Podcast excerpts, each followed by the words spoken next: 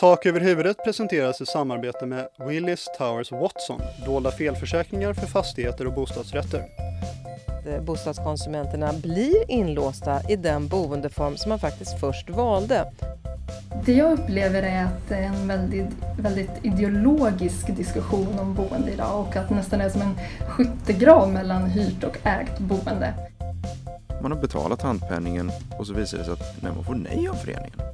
Jaha, i det fallet så kan det vara väldigt tråkigt om säljaren har fått handpenningen redan. Eh, och för att undvika att de har eh, konsumerat upp den, eh, spelat bort den eller vad det kan vara så gör man alltid så att den hålls hos fastighetsmäklaren tills man vet att köpet är definitivt. Tak över huvudet, tak, tak över huvudet, tak över huvudet,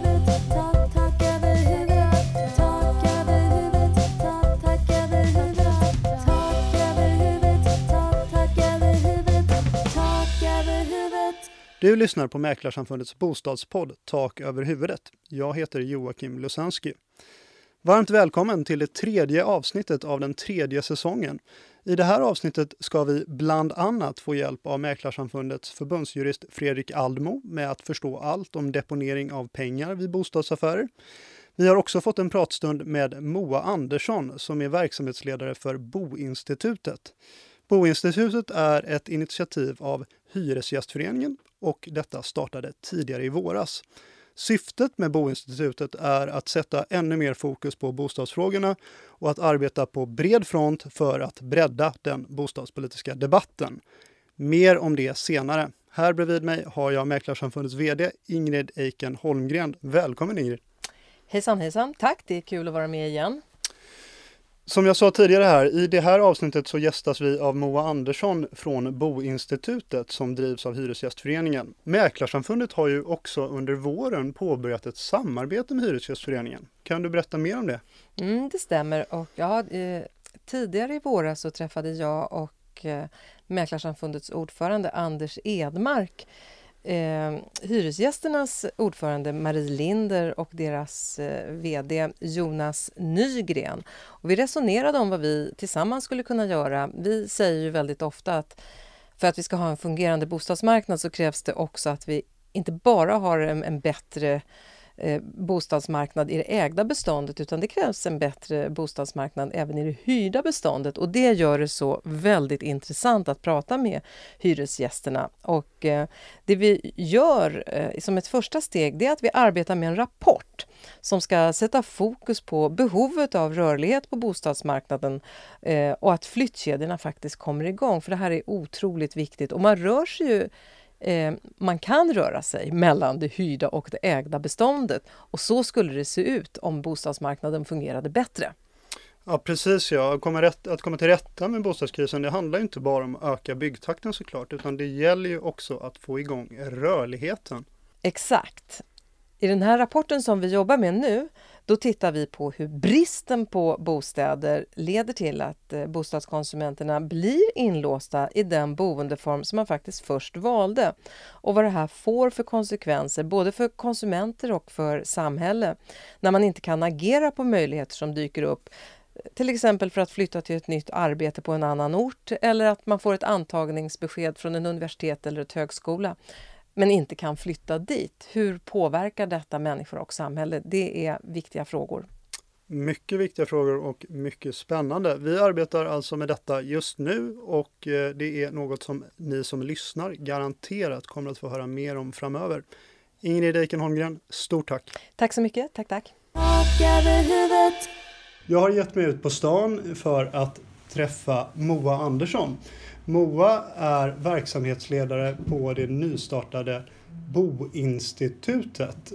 Nu befinner vi oss i Hyresgästföreningens lokaler och eh, ska ägna oss eh, här några minuter framöver åt att prata om vad Boinstitutet har för planer framöver och vad Boinstitutet egentligen är för typ av organisation. Varmt välkommen Moa! Tack så mycket! Boinstitutet är ju som sagt relativt nystartat och du har fått uppdraget att bygga upp verksamheten. Men för de lyssnare som inte känner till Boinstitutet, hur skulle du beskriva verksamheten? Ja, det är ju ett eh, initiativ från Hyresgästföreningen för att koppla boendefrågan till samhällsutvecklingen i stort. Eh, det ska vara ett sammanhang för att samtala om framtidens boende med fokus på vikten av en mix på bostadsmarknaden och också diskutera hur vi får en social hållbart boende, bostadsmarknad och bostadspolitik. Och det här ska vi göra genom att eh, bland annat ge ut publikationer, rapporter, samtal, seminarier och andra aktiviteter med personer från, eh, som har kunskap och insätta i, i boendet helt enkelt. Nu gav du mig ett väldigt fylligt svar här, eh, vilket naturligtvis är, är bra. Men jag ställer min fråga ändå som jag hade på lut. Vad är anledningen egentligen, orsakerna bakom att Hyresgästföreningen har dragit igång Boinstitutet? Hyresgästföreningen vill bli en bredare samhällsaktör.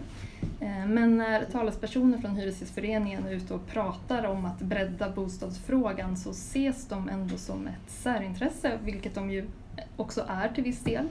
Eh, så Boinstitutet är ett sätt att föra samtal om bostadspolitik bortom partipolitik och särintressen och på ett oberoende och kunskapsbaserat sätt.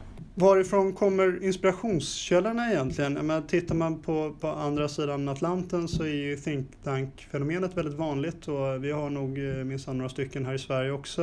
Eh, är det en klassisk think tank som ni ser framför er med Boinstitutet eller finns det andra förebilder och inspirationskällor? Jag får absolut inspiration från andra tankesmedjor, helt klart. Sen, eh, jag håller på att forma nu vad Boinstitutet ska bli för aktör. Ehm, så jag träffar många externa personer för att få input. Och ehm, sen så jobbar jag mycket nu med att få ihop det här kunskapsrådet som Boinstitutet ska ha. Och jag eh, har förhoppningar om att de ska komma med eh, input till vilket slags djur Boinstitutet ska vara. Kunskapsrådet, berätta mer om det. Ja, det är fyra, gedigna, eller fyra personer med gedigen kunskap om eh, bostadsmarknad, bostadspolitik och boende som är tillfrågade. Eh, min förhoppning är att ehm, vi ska ha ett första möte här om en månad ungefär. Eh, och tanken är att de ska kunna komma med förslag kring vilka frågor Boinstitut ska lyfta, initiativ vi ska ha och så vidare. Men om du bara skulle titta och göra en okulär besiktning på den bostadspolitiska debatten i Sverige idag. Vilka brister och vilka utvecklingsmöjligheter ser du där? Det jag upplever är att det är en väldigt, väldigt ideologisk diskussion om boende idag och att det nästan är som en skyttegrav mellan hyrt och ägt boende. Så jag kan sakna en plats där man kan samtala om bostadspolitik mer långsiktigt på ett hållbart sätt, på ett socialt hållbart sätt. Um, ja, kort och gott så. Och om vi tittar i närtid, vad står högst på agendan för dig och för Boinstitutet eh, de närmsta månaderna, låt oss säga fram till Almedalsveckan eller något sånt där? Precis. Eh, förutom kunskapsråd som jag nämnde så försöker jag träffa många externa personer och också personer hos Hyresgästföreningen för att få input. Eh, lite smygreklam för ett första seminarium är den 30 maj lunchtid där vi ska prata om synen på hyrt och ägt boende. Jag tycker det är väldigt intressant att eh, fundera kring varför hyrt boende ofta kopplas till ekonomiskt svagare hushåll Eh, och bostadsrätter till det motsatta och vad det gör för byggandet av olika boendeformer och mixen på bostadsmarknaden. Eh, och Almedalen som du nämnde, självklart. Eh, någonting kommer vi göra där. Vi börjar planera lite aktiviteter och då mycket kopplat till ungas väg in på bostadsmarknaden. Annars så eh, jobbar jag mycket med grundläggande saker såsom hemsida och grafisk profil, logga och våra sociala konton som vi ska ha. Och några konkreta mål då? Jag menar, du är ju verkligen i uppstartsfas. Det verkar hända väldigt, väldigt mycket. Men eh, har du satt eh, några mål för verksamheten, första verksamhetsåret, som du skulle vilja dela med dig till oss? Jag har inga siffror om man skulle se det som konkret mål, men Boinstitutets mål är att bli det sammanhang där det ska föras samtal om framtidens boende.